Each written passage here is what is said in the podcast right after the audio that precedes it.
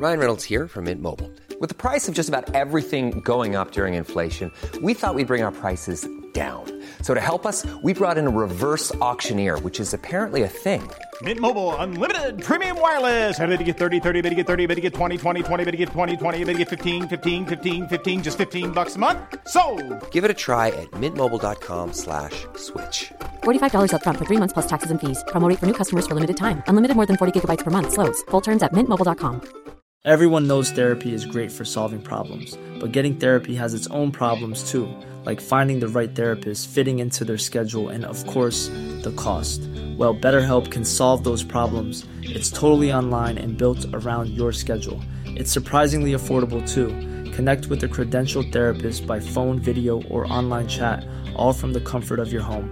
Visit betterhelp.com to learn more and save 10% on your first month. That's BetterHelp, H E L P. Millions of people have lost weight with personalized plans from Noom, like Evan, who can't stand salads and still lost 50 pounds. Salads, generally, for most people, are the easy button, right? For me, that wasn't an option. I never really was a salad guy. That's just not who I am. But Noom worked for me. Get your personalized plan today at Noom.com. Real Noom user compensated to provide their story. In four weeks, the typical Noom user can expect to lose one to two pounds per week. Individual results may vary.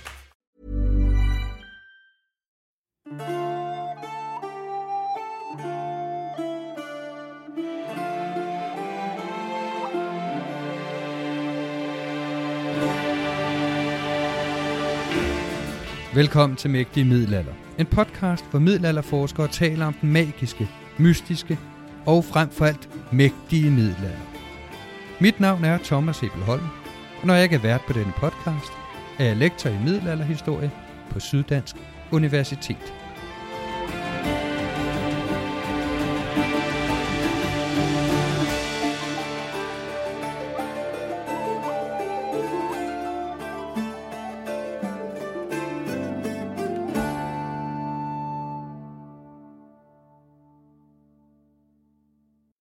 Vi er nu nået til tredje episode, der behandler nogle af de øh, pointer, tv-send Gåden og Modin har bragt på bane.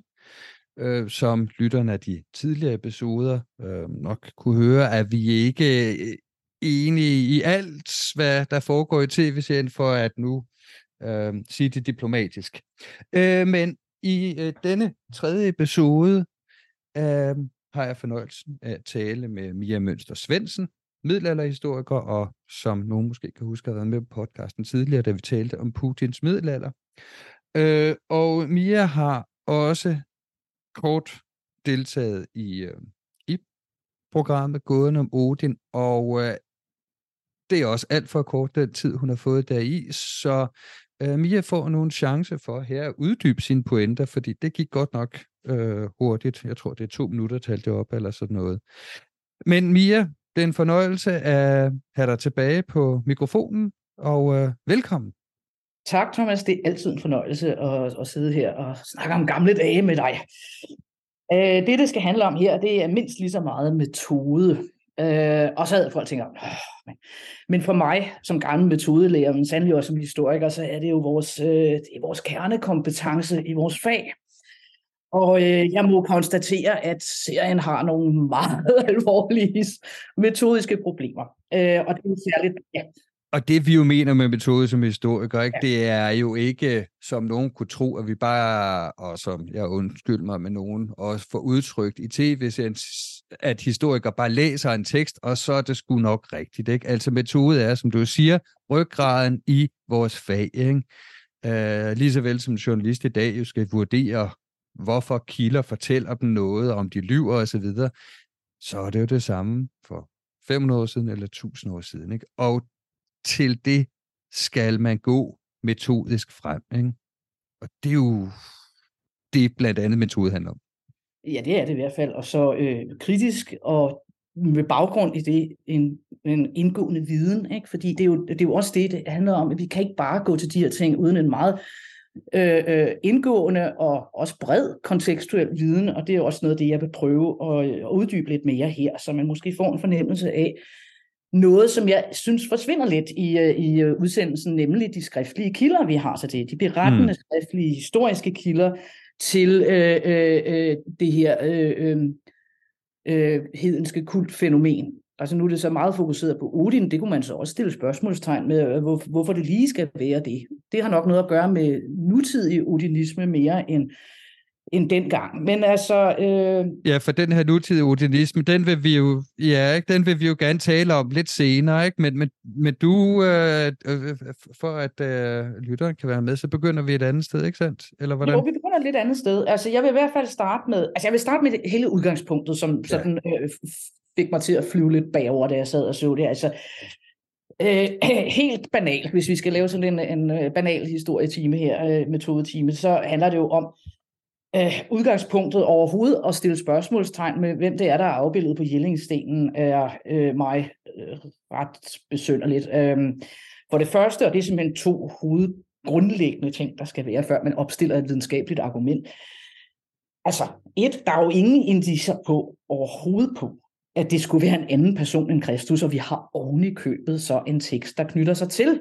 Ikke? Den vil jeg vende tilbage til, men nu tager vi bare som helvede selve billedet. Ingen mm. indiger overhovedet på, at det ikke skulle være Kristus. Så det er det første, der ellers skulle være der, før man kan begynde at stille spørgsmålstegn til, om noget er det, de foregiver sig at være. Ikke? Tværtimod. Og så oven i købet.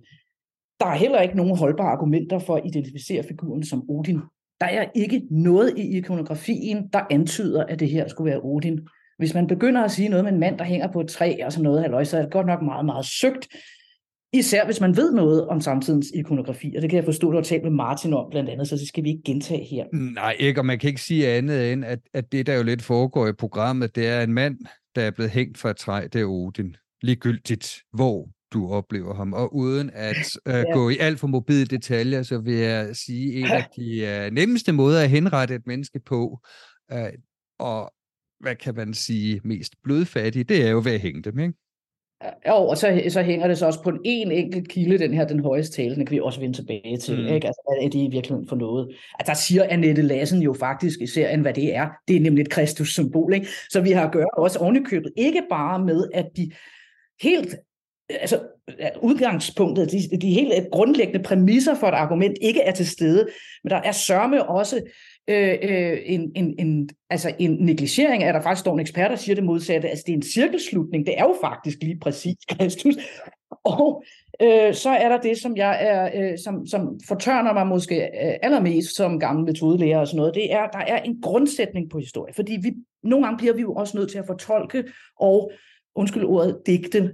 Men der er simpelthen en grundsætning, der hedder, at man må aldrig digte imod kilderne. Det er i orden at digte med kilderne. Det er sådan, vi gør, når vi rekonstruerer. Ikke? Og det er jo en rekonstruktion, for vi er nede i noget fortid, hvor, hvor vidnesbyrd er meget sporadiske. Men det betyder, at vi ikke har, ikke har nogen, og vi har nogen, der er meget centrale, som har været vanvittigt omdebatteret blandt forskere, og derfor er det mærkeligt, at de fylder så lidt i udsendelsen. Det er særligt den ene, som jeg blev bedt om at sige noget om. Ja, ikke? og det er jo netop det, det bare sådan for lige at, at nævne det, og det er jo netop her, hvor metode bliver så afgørende. Ikke? Når du måske ikke har særlig mange vidensbyrd, ikke? så kræver det, at man trækker i arbejdstøjet og, og, og tænker sig om og læser bredt. Ikke? Øhm, og det er jo øh, i hvert fald det moderne historiefags øh, pioner inden for kildekritikken og metode, grundlæggerne, det er jo middelalderhistorikerne. For det er det vedkommende øh, øh, øh, Erslev, Christian Erslev. Ikke? Men øh, fortsæt endelig. Jamen altså, øh, øh, jeg blev sådan set bedt om at komme og kommentere lidt på en tekst, øh, øh, som er meget omdebatteret. Øh, det er et kapitel, der optræder hos øh, øh, den tyske kronikør øh, Adam af Bremen, øh, og som beskriver øh, det, som sådan i forskningen kom til at hedde templet i Uppsala.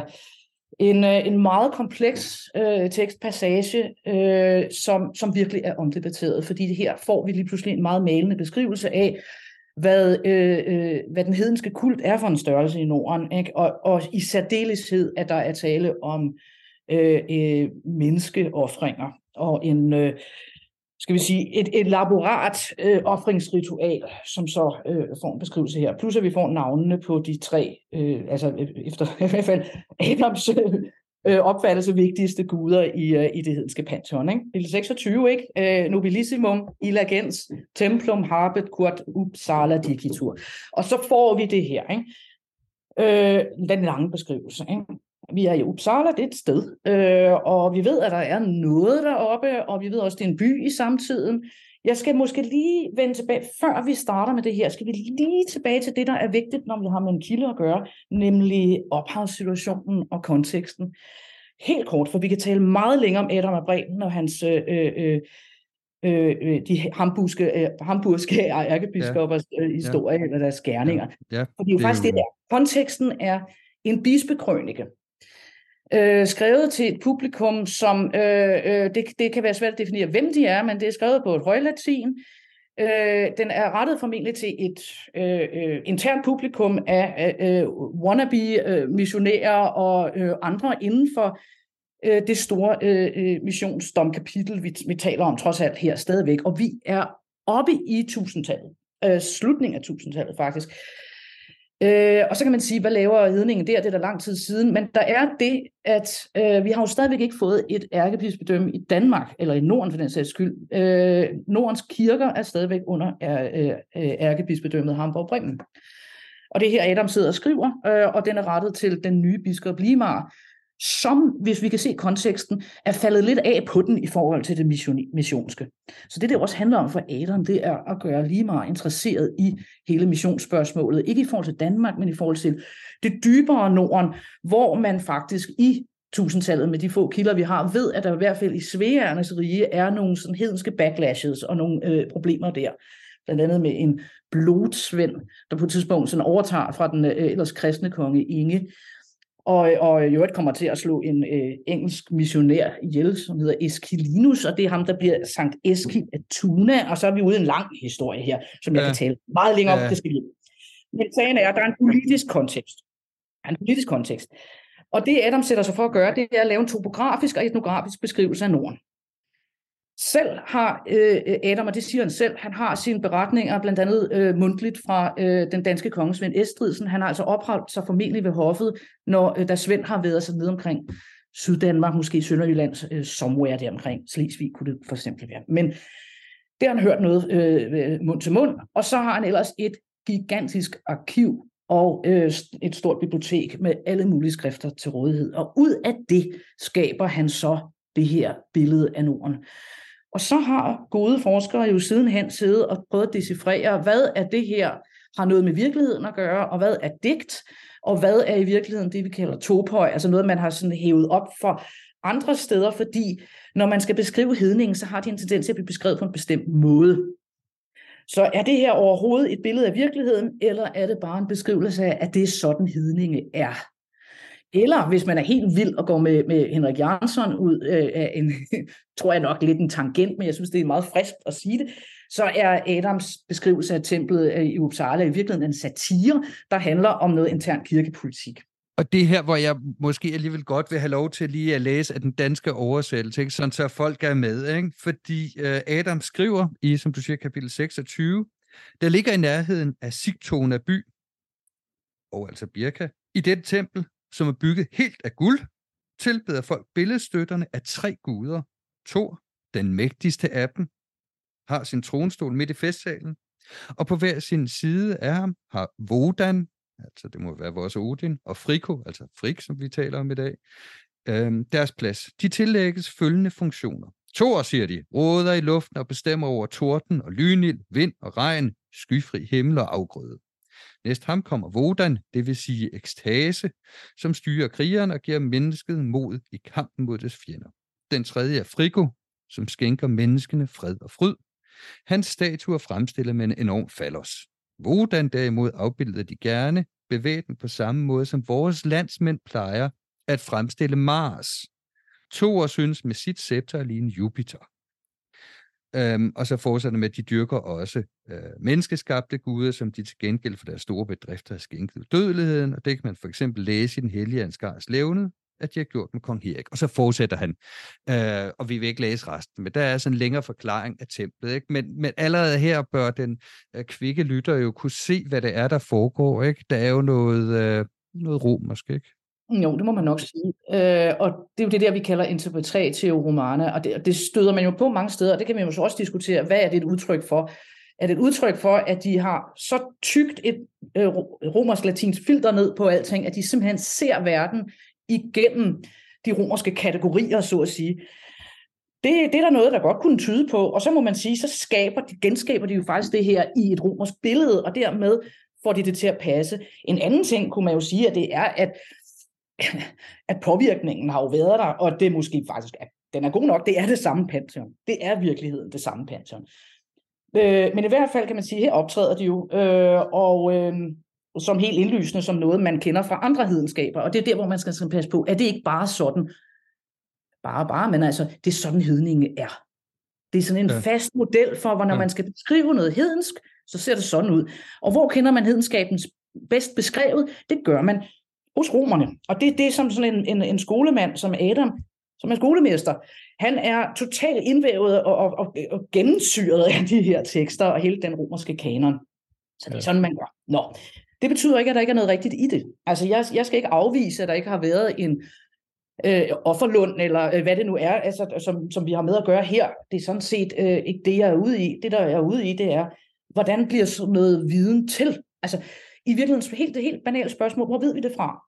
Fordi vi har stort set ingen samtidige berettende kilder om, hvad hedensk nordisk kult er. Ikke? Og her har vi så noget, og kan vi så regne med det? Det er et meget stort spørgsmål. Det vil jeg slet ikke afgøre her. Men jeg vil bare sige lidt om, hvordan man kan bruge sådan nogle tekster her, og det er ærgerligt, at man bare smider dem ud i badevandet, for det synes jeg heller ikke, man skal gøre. Der, hvor man også kan sige, der hvor man virkelig skal spære øjnene op, det er, nu nævnte du Friko der, der har været diskussioner om det frik, men, men det er nok snarere frej. Altså, og, og det der Undskyld, er, ja, det er frej selvfølgelig. Jeg tror, jeg fik sagt er jo, Du har ret, at, du fortsætter. Det er det med den store penis, ikke? Og Jo, der er jo, jo, jo. fuldstændig identisk med de romerske husguder, man havde alle steder. Altså, der, er der nogen, der havde en peniskult, så var det godt nok romerne, ikke? Altså, Jo. og det var netop det frugtbarhedsmæssige. Og frugtbarhedskult, der har jo en sjov tendens til at kaste sig ud i sådan noget med menneskeoffringer, eller i hvert fald dyreoffringer. Og her er det lidt blandet sammen. Vi, vi vender tilbage til det med offrene. Men når vi nu ser på Adam, så er vi tænker igen, jamen, hvor er det, han ved det fra, det her? Øh, så er der nogle indicier på, at han jo har brugt en anden tekst, og så er det, at vi skal grave ned i teksterne, fordi teksterne hænger jo sammen her. Det er jo ikke sådan, at ting bare løsrevne en eller anden beskrivelse af virkeligheden. Og bag ved Adams tekst ligger der en anden tekst. Og det er Tidmar af Merseburg og hans krønike, som er noget tidligere, 100 år tidligere. Og Tidmar, han er i hvert fald aldrig nogensinde formentlig været i Norden. Og han beskriver noget, der er påfaldende lige det, som Adam skriver om Uppsala, men her henlægger Tidmar det til lejre. Og der har vi igen også en beskrivelse af en offerkult med menneskeoffringer. Og noget af det, der er meget påfaldende mellem Tidmar og Adam, det er, at tallet 9 går igen og igen og igen og igen. Antallet af dyr eller mennesker, antallet af dage og øh, øh, øh, tidsdistancen imellem de der store offerhandlinger og sådan noget. Og så tænker man, at ja, men øh, det der ni, det har vi jo mødt andre steder også. Ja, det har vi så sandelig, og hvor er det, vi møder det? Det gør vi hos de romerske forfattere. For tallet 9 er helt centralt for den gamle romerske offerkult. Nu begynder vi altså ud i noget der, hvor det begynder at blive, så er vi virkelig inde i teksternes øh, øh, væv af øh, indbyrdes afhængigheder af hinanden. Ikke? Hvis vi lige holder fast i det der tallet 9, ikke? den antikke offerkult, jamen altså, der er også mange diskussioner om, hvad det egentlig var, og i øvrigt om den indebar menneskeoffringer. Øh, Augustus er kendt for sine øh, offerhandlinger og for hans store Arapagis midt i Rom, det kan man kunne se, hvor vi kan jo se skildringen af, af kejseren, der øh, øh, laver dyreoffringer øh, til, til fredens ære på aldret her. Men der går faktisk blandt de romerske forfattere, både hos Veton og Seneca og Cassius Dio, øh, de viderebringer nogle rygter om, at Augustus øh, øh, offrede slagende fjender ved Perugia, altså nuværende Perugia, øh, 300 mand på Julius Caesars alter. Så der ligger allerede sådan nogle fortællinger omkring noget med offringer der, og det er jo stærkt øh, problematisk fra romerne, fordi øh, øh, romers, romersk ret har faktisk forbudt menneskeoffringer. Absolut ikke dyreoffringer, det er det, man gør med menneskeoffringer sådan det rituelle i hvert fald er fjernet. Og så kan man jo så sige, hvad var det lige romerne egentlig foretog sig? Kan man da også kalde det offringer? Og så er vi ude i diskussionen om begreber. Ikke? Kort sagt i hvert fald, vi har den før, og tallet 9 går igen øh, i Augustus offerhandlinger også. Så igen, jamen, hvor meget af det her, det er det toprøg, der kommer fra en antik tradition, som sådan skrives ind, fordi vi skal jo fylde den her tomhed ud med noget. Vi ved jo, at helt berømte Danmark, Saxo gør det. Han trækker på alt, hvad han overhovedet kan trække på af kulturgods, for at få lavet et narrativ om en fortid, der er væk. Den hedenske fortid er faktisk stort set væk for de her mennesker. De aner ikke noget om den. Så kommer der et andet øh, metode øh, øh, øh, øh aspekt, som man skal have med, når man både læser Tidmar og Adam. Det er, beskriver de deres samtid, eller beskriver de noget fortidigt. Og det tyder lidt på, at det handler om noget, der er sket. Men at det fremstiller, hvad det er, vi skal, altså i Adams tilfælde helt tydeligt, vi skal ikke have det her hedenskab til at, at, at, at eksplodere det op, fordi så får man noget som det her, og det er skrækkeligt. Menneskeoffringer. Det er noget af det mest vederstykkelige for de her mennesker. Og det er noget, som vi også kan se i samtidens anden litteratur, når de skriver om hedninge. Det er noget, som mange kristne frygter at blive offret til hedenske guder. Hvis vi nu springer lidt, lidt smule frem i tid, øh, så har vi jo faktisk nogle ret gode samtidige beskrivelser af noget, der minder om menneskeoffringer, eller i hvert fald offerkult. Og det er i Helmold og Bosavs samtidig beskrivelser af slavernes øh, opførsel. Ikke? Og vi skal lige have placeret Helmold og Bosau, for det, det er jo, han, han skriver sådan 1163 til 1172, ikke? så vi er en 100 år efter Adam, og han fortsætter Adams krønike. Ja, det gør han. Han er faktisk lidt en, en kontinuator der også, det vil sige, han skriver også inden for den samme tanke, det samme tankemønster. Ikke?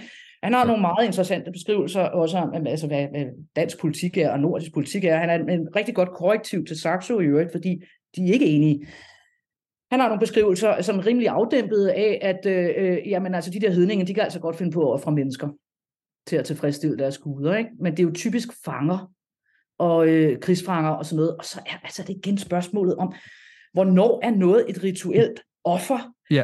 Hvornår er det, at man henretter sine ja. krigsfanger? Fordi det gør de jo i udbredt grad. Jeg vil lige huske at nævne, øh, og det er meget vigtigt for at forstå, hvad det er, er for en verden, at når vi er i tidlig middelalder, og det er så det, som arkeologer andre kalder vikingtid og sådan noget, når vi går ned i 7-800-tallet og sådan noget, så er det ret almindeligt, at øh, øh, i, i, krigs, i krigsøje med, øh, når man tager fanger, og dermed også tager slaver, som er jo en, en væsentlig handelsvare, så slår man mændene ihjel, og så øh, voldtager man kvinderne, og tager kvinderne og børnene med sig og gøre dem til slaver. Og det, vi skal lige må jeg sige, Helmold, ja. det, er jo, det er jo venterne, øh, han, han taler. Her, men, men, ja, men, men jeg, jeg er enig med dig, det er bare for, det, det er for men, lytteren er, er med. Det er helt udbredt, alle gør det, altså øh, det er helt udbredt. Og er det et offer, altså er det offringer? Det kan man jo godt sige. Altså man kunne vel godt sige i samtiden og sige, må du være de der øh, 11 personer, der har sat sig imod os dernede, dem øh, henretter vi til Odins ære. Er det et menneskeoffer? Ja, det kan man da godt sige, det er også en henrettelse. Ikke? Og vi kan i hvert fald ikke se det på de lig, de graver op. Fordi det eneste, vi kan se der, det er folk, der er blevet henrettet. Så det er i sig selv et problem. Der er simpelthen et definitionsspørgsmål her, som vi ikke kan klargøre. Jeg skal ikke afgøre, om øh, øh, vikinger øh, øh havde menneskeoffringer med i billedet. Øh, at de havde offret dyr, tror jeg, øh, virker meget indlysende. Det gør de fleste af sådan nogle kulter. Ikke? Og det er da også muligt, at de har offret mennesker. Jeg synes ikke, det er det, der er interessant. Det interessante er stadigvæk, ved vi overhovedet noget som helst om, hvad den her hedenske kult gik ud på? Og hvordan kan, vi, hvordan kan vi sortere det væk fra de der romerske forbilleder? Det er det, ja, der fordi, er... fordi Adam, han er jo, som du siger, han er jo ude i sådan menneskeoffringer op i Uppsala og så videre. Ikke? Og, der, og der er det jo, som du korrekt siger, ikke? at der er vi jo et, et stykke op i tusindtallet, og, og, og, og det kan godt være, at Svend Estrisen er hans kilde, ikke? men, men han, han berettede jo ikke om danskerne, vel?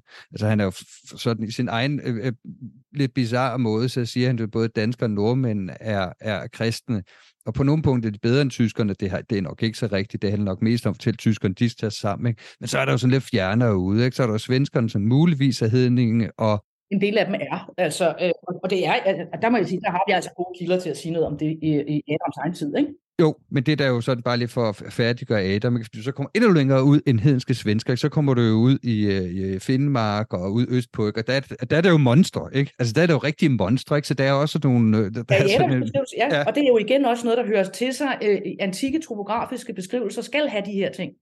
Nogle faste elementer, der skal være ja. der. Ja. Og det er også fordi, det er det, man forventer ikke? Ja. Øh, at finde. Det er også den måde, man konciperer verden på. Og det er jo igen det der, altså folk dengang som i dag kan, ser jo igennem et filter, så at sige, af deres egne kulturelle forestillinger. Og det her, Og det var det, jeg sagde i serien, og det blev så skåret ud, hvad jeg sagde, men hvad er, hvad er det her så en kilde til? Jamen altså, det er meget tvivlsomt, hvor meget det er en kilde til reelle handlinger og reelle steder. Vi, Der er jo aldrig fundet noget stort tempel i Uppsala. Men det, det er en kilde til, det er, hvordan kristne mennesker som Adam, eller Tidmar, eller Helmold der Bosau, nordtyskere, opfattede hedning. Altså, øh, det er den fremragende kilde til. Altså, og det er det, vi kalder en livslutning på den måde. Ikke? Så er vi ude over det der med, at det, siger, øh, altså, at det skal referere direkte tilbage til en reel virkelighed om, hvordan hedninger er. Fordi det, det der er vores problem, det er, at vi mangler.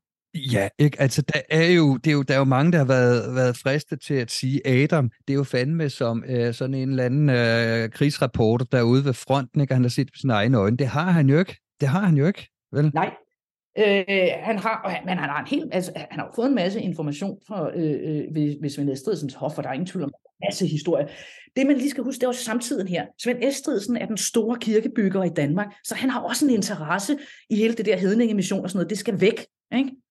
Og han har helt klart, tror jeg, også en plan om et ærkeside. Så der ligger noget gnidning også i forhold til Adams rolle. For Adam, han står jo for, lidt for, kan man sige, det gamle ærkeside, som gerne vil beholde øh, overhøjheden over Norden, og så er der altså i gang med at ske noget helt andet. Man er i gang med at lave sit eget. Og jeg vil lige have med, det der med hedningene og svegerne. Der er som sagt det der hedenske backlash i Småland.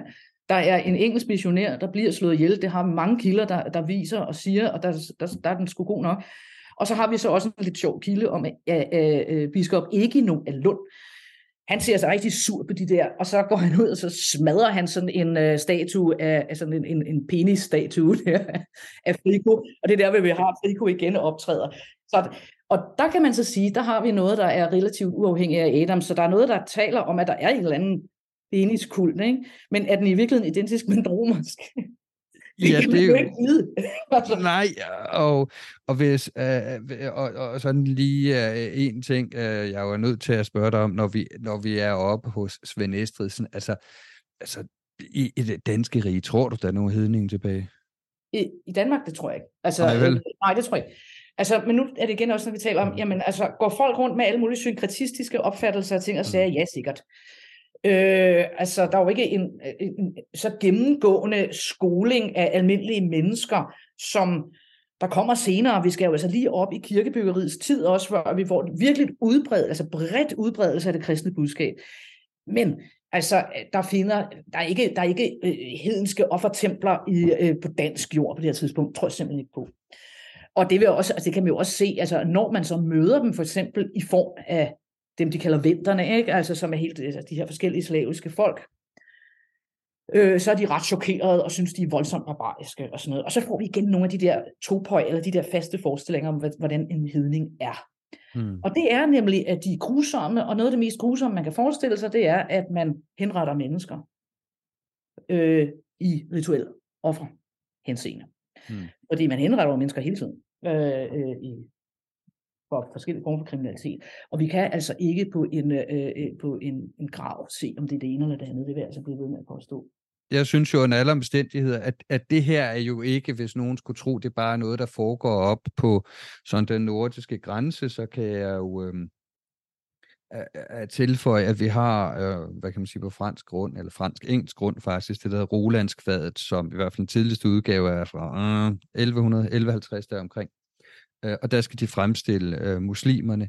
Og der, der er det altså som om, at de kan ikke rigtig koncipere, at, øh, øh at muslimerne afviser treenigheden. Øh, så der er også tre øh, øh, øh, øh muslimske guder, som de her øh, øh, Karl den Stores øh, øh, ridder kæmper imod. De har også tre guder, ikke? Så, så de laver en spejling af den kristne øh, treenighed, og så bliver det i stedet for tre onde øh, altså sådan, altså vrangsiden, ikke? Og det er ikke nødvendigvis, fordi de er uvidende, udvidende om islam. Det kan også have noget at gøre med simpelthen, som du siger, de kulturelle forestillinger. altså, at, at, at, at, at der er en, at der er, hvad kan man sige, de frelste, de kristne, og så er der de andre, ikke? Øh, altså, ligesom de, de beskriver muslimerne som hedninger. Det er, det er jo, det, det er jo en distinktion jo i, i takt med, at man får mere sådan bred Øh, øh, kontakt med Mellemøsten. De går da klar over, det, det, det er sgu noget andet, det der foregår i islam, end det der foregår i, lad os sige, Nordøst-Europa. Ikke? At, at der er hedning, og så er der, hvad de vil kalde vantro. Ikke? Og så vil jeg så komme med en, en helt anden ting, som man også skal have med, når vi, vi beskæftiger os med de her ting. Det er jo, at, øh, at vi selv jo er så utrolig rundet af en kristen opfattelse af, hvad religion og kult og sådan noget er. Og jeg vil faktisk våge at påstå at sige, at ordet religion er et forkert ord at bruge i forbindelse med den hedenske kult. For der er ikke tale om, det er det, altså de, de kan simpelthen ikke forestille sig en, en religiøs verden, hvor der ikke er, så at sige, en kanon, en mytologi, en, et fast pantheon og sådan noget. Jeg tror simpelthen ikke, at den øh, kult, man har dyrket i Norden og i øvrigt i hele Nordeuropa, som har mange til, altså utrolig mange træk til fælles, inklusiv navnet Vodan, ikke? Mm øh, at, at den har haft sådan et, en fast kanon, eller en, en fast Nej. form af nogen Nej. art. Nej. Den har i den grad handlet om én ting, og det er, at det er en praksis. Og, og, og vi er så indvævet i en kristen tankegang om, hvad religion er. Religio, som er jo i den grad et ladet ord, og et middelalderladet ord. Ikke? Ja. Uh. ja at, øh, at vi leder efter noget, der måske slet ikke er der. Ja. Og derfor bliver det også absurd, når man taler om, at folk det ene eller det andet, for det har de simpelthen ikke opfattet sig. Altså, du kan sagtens være, øh, og det ved vi jo også altså med, med de vidensbyrd, vi har, at der er jo folk, der har været begge dele. Altså man har været kristen, og så har man samtidig også lige lavet nogle ting en gang imellem til de der gamle guder, fordi hvad, det kunne man jo også, det skete der jo ikke noget ved. Der var jo masser af eksempler på igennem verdenshistorien, og så har man familie også haft i, i Norden. Ikke? Men den der med at tro, at der er sådan, og så er der et fast pantheon, og den er det, og så kan vi sidde og skændes om, er Odin krigsguden, eller han dødsguden, eller han noget andet. Det er en meget, meget græko-romersk måde at tænke ja. Ja. Det er det. Ja, og det, er, ja, det var også en, en pointe, Martin, jeg kort havde op, ikke? At, at det er jo min mistanke om, om simpelthen den kategorisering, ja. øh, om det ikke er, er, er, er et udslag af, af sådan en græko-romersk trang til at systematisere. Yes. Ikke? Som, og skolastik, altså det er jo, ja, ja, ja, ja. skoleuddannede latinere, vi har med ja. at gøre. De ja. ser verden på den måde. De er simpelthen så skolet i den der måde med at lave ting i kategorier, underkategorier, kasser. Altså bare det der hoved med, at de her guder har en attribut. Altså det, der er en ting, der knytter sig til dem. Det deres symbol eller deres attribut. Jeg er noget tvivlsom på, om det har været så systematisk. Det må jeg nok sige. Og det i høj grad har været praksis, der har styret øh, øh, øh det her.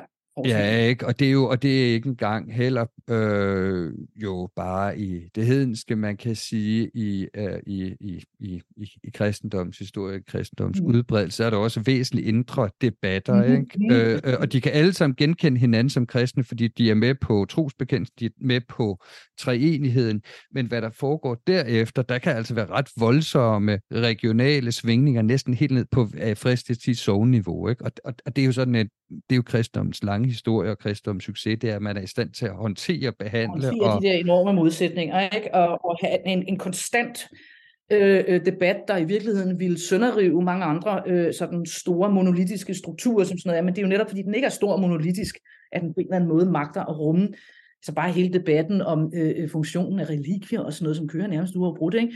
Og der er meget store uenigheder om, hvad, hvad rollen for helgener egentlig skal være. Det er jo en meget central del af, af middelalderens øh, øh, kristne religion. Ikke? Men jeg synes, det, der er noget med religionsbegrebet, vi skal være meget opmærksom på her. Og vi skal ikke forsøge ligesom at finde... Altså, fordi så laver vi faktisk den samme fejl, som Adam gør. Ikke? Altså, vi, vi skal finde ekvivalenten til noget, vi kender i noget fremmed. Ikke? Og måske må vi nogen bare, bare sige, det er et er tabt for os, det tror jeg faktisk, det er. Men en anden ting også, at det vidderligt er fremmed, også for vores kategorier. Øh, og, øh, og vi skal dermed være ret klar over, hvad det er for nogle kategorier, vi arbejder med her også. Ikke?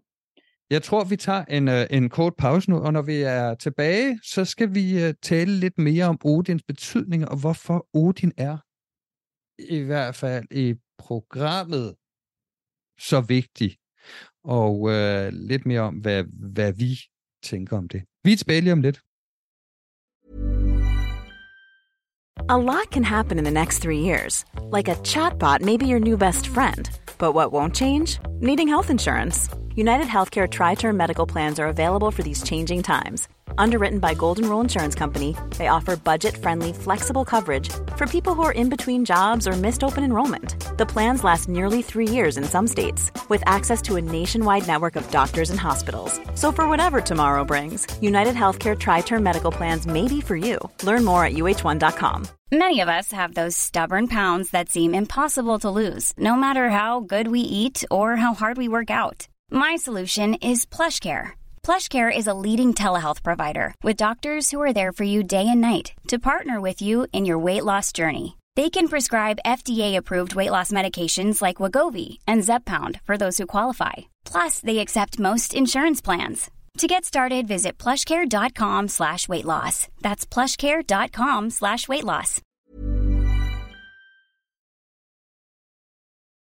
Vi er tilbage igen, og øh, nu er vi klar til at øh, gå videre i vores snak om øh, gåden om Odin, og øh, Mia Mønster Svendsen vil, og jeg vil nu forsøge at tage en snak om, hvad det, hvad det egentlig er for noget med den her Odin, ikke? fordi der er jo en eller anden mystisk fascination af Odin. Ja. Hvad, hvad er det for noget, vi har fat i her? Som jeg også stussede over, det vil sige, hvad, hvad er det egentlig for et spørgsmål, serien stiller? Øh, og, og er det et godt spørgsmål? Det kan man jo så også øh, diskutere, ikke? Men, men hvad er det egentlig for et spørgsmål? Altså, hvad er det for et præmis, der ligger bag det spørgsmål? Og det undrer mig nemlig, den der fremdragelse af den her skikkelse, og så den der insisteren på at ville se ham i alle mulige metamorfoser og transformationer, og mere eller mere vidtløftige øh, de, øh, øh, forbindelser. Altså, vi, vi får sørme også sådan huhjælpen med det her, altså en angsaksisk ting. Og sådan, altså, jeg ved ikke, altså, det, hvorfor det enorme behov for, at det lige skal være det her? Fordi det undrer mig også, det gør jo nærmest øh, øh, øh nordisk hedenskab til en form for monoteistisk religion. Ja, det, det er jo også det, jeg stussede over. Det er den Kristusfigur, der i ja. virkeligheden går igen. Fordi, altså hvad der er blevet af alle de andre? Det gode spørgsmål, synes jeg vil have været at sige, hvad ved vi om øh, øh, nordisk hedenskab? Altså det synes jeg er et virkelig godt spørgsmål, for det er et utroligt svært spørgsmål, som har beskæftiget rigtig mange forskere, og der er ikke noget entydigt svar, men vi kan jo komme med en masse gode bud. Det synes jeg er et godt spørgsmål. Men det der postulat om, som kommer helt i starten, og som også er den måde, øh, øh, serien bliver præsenteret i de der reklamespots, øh, øh, også i radioen og sådan noget, det er, at Odin skulle have en enorm betydning for skabelsen af Danmark, og at han øh, så at sige også har en betydning i dag. Øh, der blev faktisk sagt, jeg har et citat her, hvor land i virkeligheden blev skabt. Altså, hvordan vores land i virkeligheden... Jeg synes godt nok, det er nogle store pointer. Og hvad er det for en rolle, Odin spiller her i? Det er jeg mystificeret over, Thomas, det må jeg sige. Ja, og det er jo sådan set, det, og det er jo det, der er det helt, øh, helt i virkeligheden, det gåden om Odin handler om. Ikke? Det er jo ikke en, mm. hvis jeg må vælge fræk, slet ikke en gåde, vel? Fordi at tilrettelæggerne har jo besluttet sig for fra starten, at, at, at Odin og, og Danmark, ja. de hænger fuldstændig nøje sammen. Og for at nå den der slutning, ikke, og der går jeg jo også sådan lidt over i metode, situationen her, ikke? at der er det jo netop, som du siger, en cirkelslutning. Ikke? Man har jo faktisk besluttet for, hvad man vil, hvad, hvad man vil høre, og, og til seriens ros for, for eksperterne, for eksempel er Annette Lassen lov til at sige, at det tror hun ikke på, og det er de ligeglade med. Ikke? Så, så der, der er jo ikke nogen gåde, vel?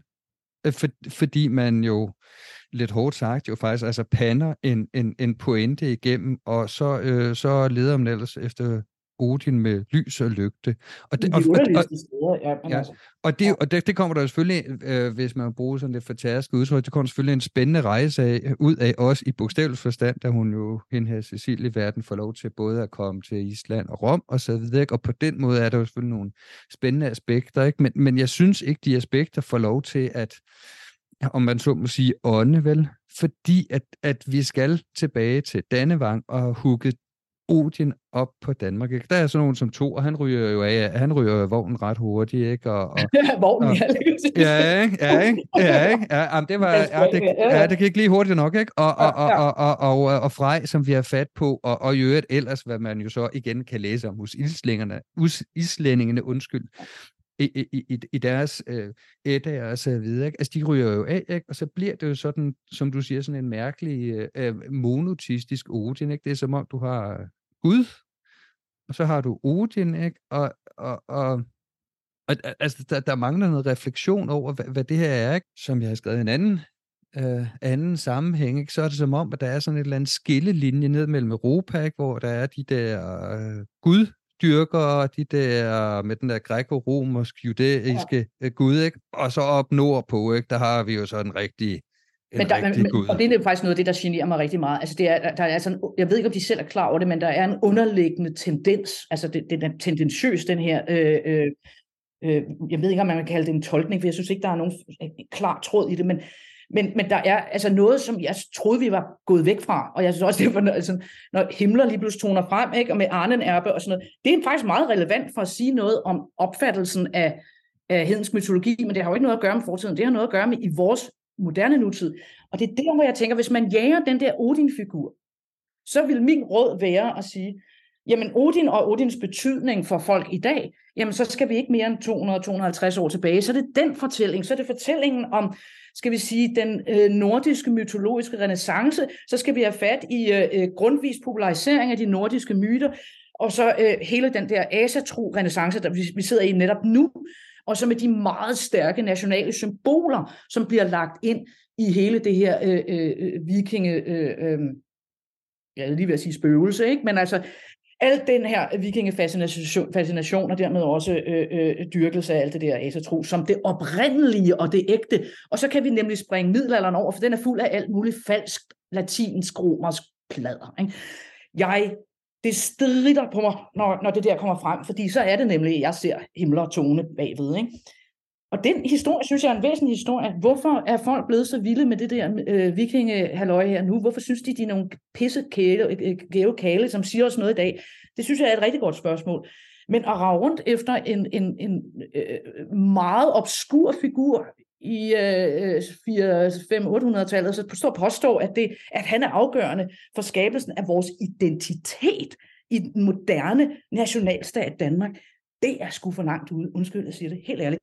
Og som metodelærer, eller for den sags skyld historielærer, så vil jeg sige til den studerende, jeg tror, du skal have en anden problemformulering.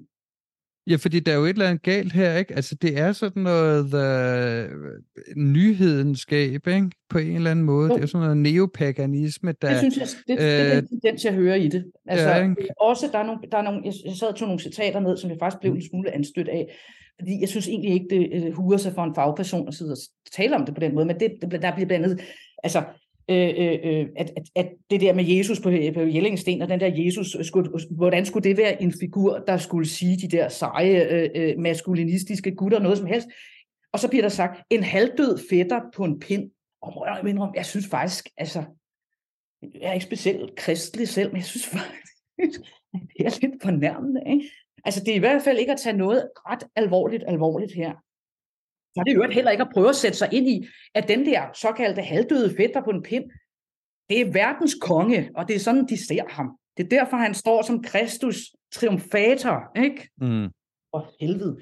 Undskyld, men det er, det er den, den tidlige middelalder, kristendom lægger vægt på den triumferende Kristus, også i ikonografien. Ja, ikke? og det er jo der, hvor, hvor man kan sige, at, at, at øh, altså, altså, der foregår altså en, en små uheldig alliance mellem noget, noget journalistik, som, som, som ligesom skal have nogle headlines, og nogle arkeologer, ja. som jo er pisket til at skulle have øh, besøgende i, i, i, i, på ja. deres museer, som jo altså, ligesom universiteterne, virkelig er trængt i de her ja. år. Ikke? Og derfor ja. så er man nødt til at, at sælge sådan en historie, som ikke handler ret meget om fortiden, og handler rigtig, rigtig meget om os selv. Ikke? Og så, så kan man jo så tillade sig at sige sådan nogle ting om Kristus, sådan nogle ting, som man aldrig vil sige om andre kulturers øh, øh, øh, øh guddomme, øh, øh, om de så er politistiske eller monoteistiske. Altså det vil de aldrig ture, vel?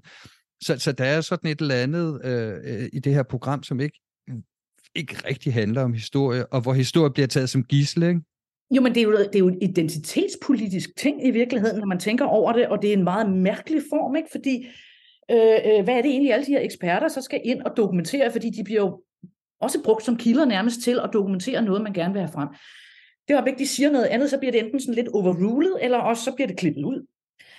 Øh, og det er sig selv, altså det, som jeg startede med med metode, det er simpelthen, øh, det, det går ikke rent metodisk på den måde, men altså, og det gør det sgu heller ikke inden for journalistik, må jeg så sige. Altså journalistik ligger jo også op af, meget op af den samme kildekritik, som vi arbejder med inden for historiefaget. Det det. Jeg synes, det er et problem, at der ligger en øh, ideologisk tendens bag ved det her, fornemmer jeg. Øh, og den er drevet af sådan noget, ja, lidt nyhedenskab, samtidig med noget... Øh, øh, nærmest nationalromantisk øh, sværmeri for øh, nordisk mytologi og vikinger og den slags, som jeg ikke mener er helt så uskadeligt, som mange tror. Jeg er lidt bange for, når det sådan et slags bliver knyttet op til national identitet, hvad det så betyder. Og jeg har selv harceleret ret meget mod det i alle mulige andre sammenhæng. Så øh, dem, der kender mig, kender godt min holdning omkring det der. Men jeg synes, det er meget problematisk at hæfte det op på national identitet, noget med det der øh, Odin-halløj, fordi hvem er det? For det første, altså, så udgrænser man altså en hel del mennesker. Man udgrænser altså også noget fortid. Og så synes jeg simpelthen, at selve argumentet, det er totalt uholdbart. Altså den, den Odin, der sidder på den brakteat, som jo nok er Odins mand snarere end Odin selv, øh, har jo intet som helst at gøre med dansk nutidig identitet. Det er ikke alt i historien, vi trækker med os. Og jeg synes netop, det der er interessant om Jellingstenen, det er, at den peger fremad. Den peger jo ikke tilbage, den peger fremad. Og den forsøger faktisk mere eller mindre øh, øh, øh, vellykket, det er jo et propagandastykke, at øh, nedsætte en, så at sige, en censur ned i tiden, altså et skift, markeret skift. Og hvem har, altså man kan jo så sige, hvem har Harald kigget på det? Jamen jeg tror, at han øh, øh, har også sine klærker omkring sig og sådan noget, og det, han forsøger at gøre kong Konstantins øh, sagen efter. Det er den måde, man laver imperier på. Og kristendom er på det her tidspunkt knyttet op til imperiedannelse. Ikke? Jo. Der kan jo. vi, det er en kyniske tolkning. Det kan jo også godt være, at Harald faktisk var from. Det ved vi jo ikke.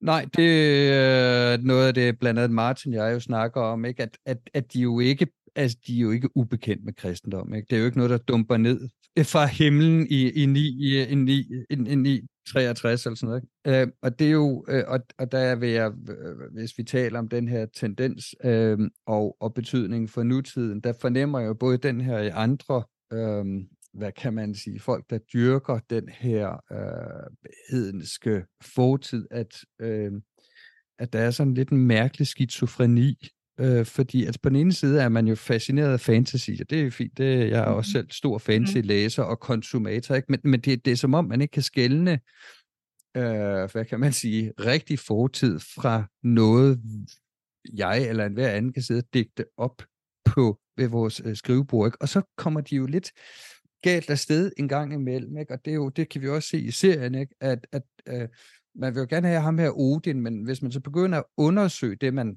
tillægger Odin, den her fortidige kultur, så er der jo nogle ting, som ikke rigtig rimer med dansk øh, øh, samfund af nu 2023, ikke? Altså, ja, det må man sige. Det her, du snakker om, øh, du snakker om, om menneskeoffringer, ikke? Altså, fordi der, vi har jo de der mosfunde, hvis det virkelig er menneskeoffringer, så er det jo ikke rart. Der er i hvert fald en ting, der er stensæt, det er, at det er nogle hardcore slavesamfund, ikke? Øh, det er ikke velfærdssamfund, de er øh, et hvert samfund, der er styret en krigerelite, vil, vil per definition være voldeligt, fordi det er sådan, man øh, i, i sidste instans øh, vedligeholder magten. Altså, det er jo i virkeligheden øh, det, jeg, mm. når jeg underviser i middelalder, nogle gange siger til mine studerende. Jeg er godt klar over, at, at kirken har alle mulige, øh, altså kirken sådan, hvis man taler meget bredt, ikke, har alle mulige forbrydelser på sin samvittighed, men hvis du sammenligner med de der herrer, og det er jo især herrer, der sidder og styrer de her riger, ikke, så er det altså en en civiliserende faktor uden lige, og at hvis der er en, en identitetsforbindelse til Danmark i dag, jamen så er det faktisk 9 965 øh, med kristendommen. Og at der er et censur og, og Ja, det er det, jeg siger. Altså, det, fordi, altså hvis, hvis vi overhovedet skal sige, hvad, hvor kommer vi fra, så er det del mig ikke den der ting, man forlader. Så er det det, der kommer frem der. Det er også der, hvor vi får jamen, skabelsen af et, et, et nogenlunde fælles kongerige, og, øh, og, altså, og lov, og øh, ting og sager om, hvad et samfund er. Ikke? Altså, og, og det, det er den der, altså, der er den der gamle primitivisme, som så utrolig gerne vil se det oprindelige i et eller andet ja, meget tåget øh, øh, øh kriger, øh, halvøkologiske, øh, øh, øh quasi-feministiske show, som jeg kan bare ikke se i den fortid. Det må jeg altså sige. Altså det, jeg ser i den fortid, det er en, en, øh, et ret barsk kriger slavesamfund med en temmelig barsk krigerkult, som i høj grad øh, øh, dyrker øh, den side af, kan man sige, af, af tilværelsen, ikke? og hvor der er øh, øh, meget store dele af befolkningen, der overhovedet ikke har øh, noget som helst andel i noget som helst, heller ikke i kulten for den sags skyld. Vel? Altså det er ikke noget, det er ikke, elfus, det er ikke en efterlignelsesværdigt, og det er ikke noget, der på nogen måde, i min optik i hvert fald, lægger op til det øh, egalitære og, og, øh, og, og retfærdighedsorienterede øh, velfærdssamfund, som vi har i dag med dets menneskerettigheder og dets lovgivning og sådan noget. Altså det er bare så fjern, som det overhovedet kan være. Så hvordan den forbindelse vil jeg lave? Jamen, det er jo noget med det der urgermanske, der, der så spørger, og derfor bliver det sgu så vildt, at man så tager den der himler-sag ind lige pludselig, og det er så i forbindelse med Tacitus Germania, men, men den bliver ligesom ikke afsluttet. Og det vil sige, at man står note an der. Og der vil jeg så lige give dem, altså, at de har det med det voldelige med, og det med de der eventuelle menneskeoffringer, altså at det er et brutalt samfund, det må man give dem, det har de med. Men så bliver det endnu mere mærkeligt, at man postulerer, at det her samfund på nogen måde har noget at gøre med, med det, vi står med i dag. Jeg synes, det, vi står med i dag, har jo netop gjort alt det modsatte. Det har fjernet sig fra et samfund, der var øh, præget af vold og urimelighed øh, på den måde, og et kort liv, ikke? Jo, fordi det er jo, det er jo, og det er jo det, det, er jo det jeg mener, den der skizofreni, ikke? at man på den ene side godt vil se, ja, sådan noget uh, ja, ur germansk, eller hvad det nu er, ur et eller andet, ubesmittet, oprindelse et eller andet, og man godt vil dyrke det, det er der, vi kommer fra, men så ikke rigtig vil bide til bolle med, at man jo selv etablerer, at de her øh, mennesker er nogen, hvis vi og mødte dem i dag, så ville de ryge i fængsel med det samme, ikke? At de er jo, at de er jo værre end de værste øh, bandekriminelle, som, som der jo nogle gange snakker om. Ikke? De, de, de, er, de, de, de er off the hook. Ikke? Altså det, Jamen, det, det er hele taget, altså, det der var de der steder, hvor kæden springer af, som undrer mig, og jeg tænker, jeg kan ikke forklare det andet, end at man simpelthen enten er blevet besnakket eller dybt fascineret af den der moderne asatro-kult, som er jo en, en konstruktion, der er lavet her i det sene 20. århundrede, og som har indoptaget sådan en hel masse af sådan nogle friluftsagtige og øko-tendenser øh, øh, og sådan noget halløj, og som er lidt sådan, skal vi form for antimodernitet, men også antikristendom. Og det er den understrøm, jeg fornemmer, Altså både noget antimodernitet og antikristendom. Og der, er altså, der, der, der bliver jeg nødt til at hive ham der himler op af skuffen igen, og så sige, er der nogen, der virkelig var dygtige i at skabe en moderne kult, der kørte på det der, så er det Himmlers SS og hans Arnen-erbe øh, øh, institut der. Ikke? Og det er den nordiske mytologi, der bliver ført frem der. Og det er uhyggeligt, når man læser de her ting, de er ret hæslige at læse, hvor meget det ligner fordi der er også det der med kroppen, og det naturlige, og det nøgne, og det nordiske, og det karske, og det maskuline og sådan noget. Der er altså meget af det også i den der ellers lidt hippieagtige og umiddelbart sådan fredelige, øh, nu går vi lige ud og leger vølver og sådan noget. Men altså, jeg, jeg er sgu lidt nervøs, fordi jeg kan sgu ikke lide det. Jeg bryder mig ikke om det. Og jeg kan i hvert fald ikke lide, når der bliver blandet identitet og politik ind i det. Og nation. Og det er der en tendens til det nu om dagen. Jeg, jeg, øh, jeg, jeg kan simpelthen ikke lide øh, øh, koblingen der. Jeg har intet mod, at man leger med forestillinger om fortiden. Øh, og at man prøver at gestalte den på alle mulige måder. Altså det, det er helt i orden. Man skal bare være klar over, hvad det er, man gør. Men jeg har problemer, når det begynder at blive en del af noget øh, politisk ideologisk. Og det synes jeg lidt, det gør her. Som en understrøm i hvert fald. Det er ikke eksplicit, men jeg synes, det ligger der. Ja, og det er der, hvor, det, øh, hvor vi som eksperter bliver jeg lidt ked af at se, og jeg især, for jeg er jo ikke med i programmet, mm. bliver jeg lidt ked af hvordan, at se, hvordan du og andre øh, bliver, bliver brugt og spændt for en, en sensationalistisk vogn, og øh, øh, øh, at så at sige, der er en, en, en vis forfladelse af, af, af den viden, som danske skatteborgere faktisk betaler mange penge for. Ikke? Altså på universiteterne er vi jo ikke får vi ikke vores løn for at sidde og, og, og, og dække fantasy-litteratur og tale folk efter munden. Man har betalt os, fordi at vi som samfund føler, at vi har et behov for, at der er nogen, der går kritisk til værks mm. øh, mhm. med snart sagt hvad som helst. Ikke? Øh, øh, og det gør vi jo så, ikke? Men så kan man ikke lide beskeden. Men, men altså, så, så er det jo, altså, så er vi jo i virkeligheden ude i den, ja, måske det er, nogle politikers øh, øh, drømmescenarie, så lukker man universiteterne, fordi det er meget sjovere at finde på finde på ting og, og lave cirkusgøjl og sådan noget, men, men problemet er jo bare, jeg synes historie betyder noget, og det betyder noget, at det har et, et videnskabeligt fundament, og jeg bruger helt bevidst ordet videnskabeligt her. Det er en videnskab. Og det er det, fordi der er noget, der hedder evidens. Man kan ikke bare stå og postulere alt muligt. Hvis man kommer med et postulat, eller en tolkning, eller en tese, så skal man fanden fismer opstille logisk holdbare argumenter for det. Så kan andre komme med nogle andre logiske argumenter, og så kan man få en debat. Men du kan ikke få en debat, når der ikke kommer nogen argumenter, når der kommer postulater, og når man taler imod bedre vidne, eller taler imod kilderne, som i det her tilfælde. Øh, eller for den sags skyld, ser gennem fingre med det, der udfordrer ens øh, øh, øh, kæphest. Så hvis vi skal afslutte her, så vil min konklusion om øh, gåden øh, om Odin være, at øh, vi som middelalderhistoriker eller historiker generelt altid bliver glad for opmærksomhed, og øh, vi bliver glade for, at der kommer spotlight på vores periode, og derfor er det så meget mere skuffende og ærgerligt, at denne her chance bliver forspildt og bliver spændt for, øh, hvad vi to i hvert fald mener er en, er en øh, identitetspolitisk vogn, hvor man ikke har gennemtænkt spørgsmålet, hvad det egentlig er, man er ude på, andet end at fortælle en historie om øh, Odin, ikke? Og, og, og dermed øh, er faretroen nær på fantasy og efter en ja. meget langt væk fra videnskab. Ja, ja. det er brændærgerligt. Det er simpelthen brændærgerligt. Så øh, næste gang håber vi, det, det bliver bedre, og øh, det glæder vi os i hvert fald til. Det gør vi i hvert fald.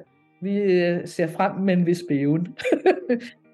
det er, fremtiden for historien er en lille smule øh, scary her for tiden, må man nok sige. Men øh, vi skal nok blive og kæmpe den øh, bravekamp, for at man tager det her dybt alvorligt. Tak, Thomas, fordi du gad at høre på det. ja, men det var, det var en god samtale, og tak til lytteren for at holde os ud her, i, især i, i sidste del. Det er vigtigt for os, det ligger os på sinde, som I også kan høre. Og øh, vi mener, at det handler om mere end bare en tv-serie. Det handler om vores fag, og det handler, apropos det her med Danmark, jamen så handler det egentlig også om, hvordan vi behandler den her fælles ting, som jo er det land, vi, vi bor i, ikke? og dens fortid, og hvordan vi opfatter os selv.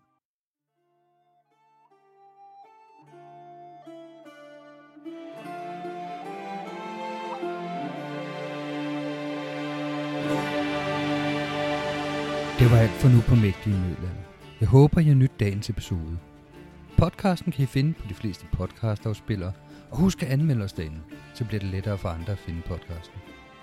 I kan også følge os på Facebook og Instagram, og intromusikken var af Nicolas Soto Urea, og underlægningsmusik og effekter er skabt af Anton Færk. Ha' det godt derude. Jeg håber, I vil lytte med en anden gang.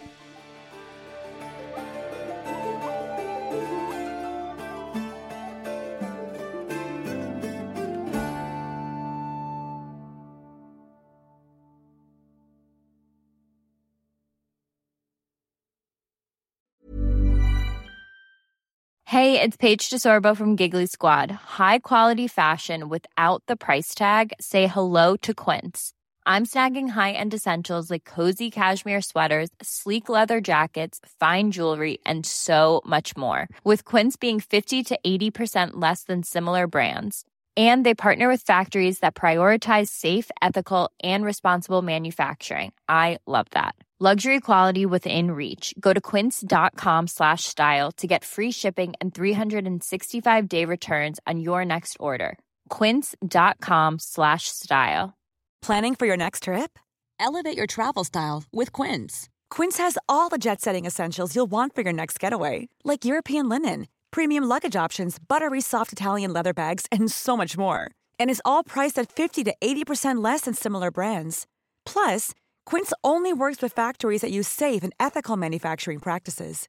Pack your bags with high-quality essentials you'll be wearing for vacations to come with Quince. Go to quince.com/pack for free shipping and 365-day returns. Confidence starts with loving who you are. And when your skin feels nourished and glows on the outside, you naturally radiate confidence from the inside. Give your skin a glow up with Osea's clinically proven Mega Moisture Duo. This ultra hydrating body care features two of Osea's best sellers, Undaria Algae Body Oil and Undaria Collagen Body Lotion. These seaweed powered heroes use skincare level ingredients normally reserved for your face for results you can see and confidence you can feel. Osea has been making clean, clinically proven seaweed infused face and body care products for over 28 years. This luxurious skincare is vegan, cruelty free, and climate neutral certified, so you never have to choose between your values and your best skin. Glow from the inside out Get 10% off your first order with code GLOW at OseaMalibu.com. That's O S E A Malibu.com code GLOW.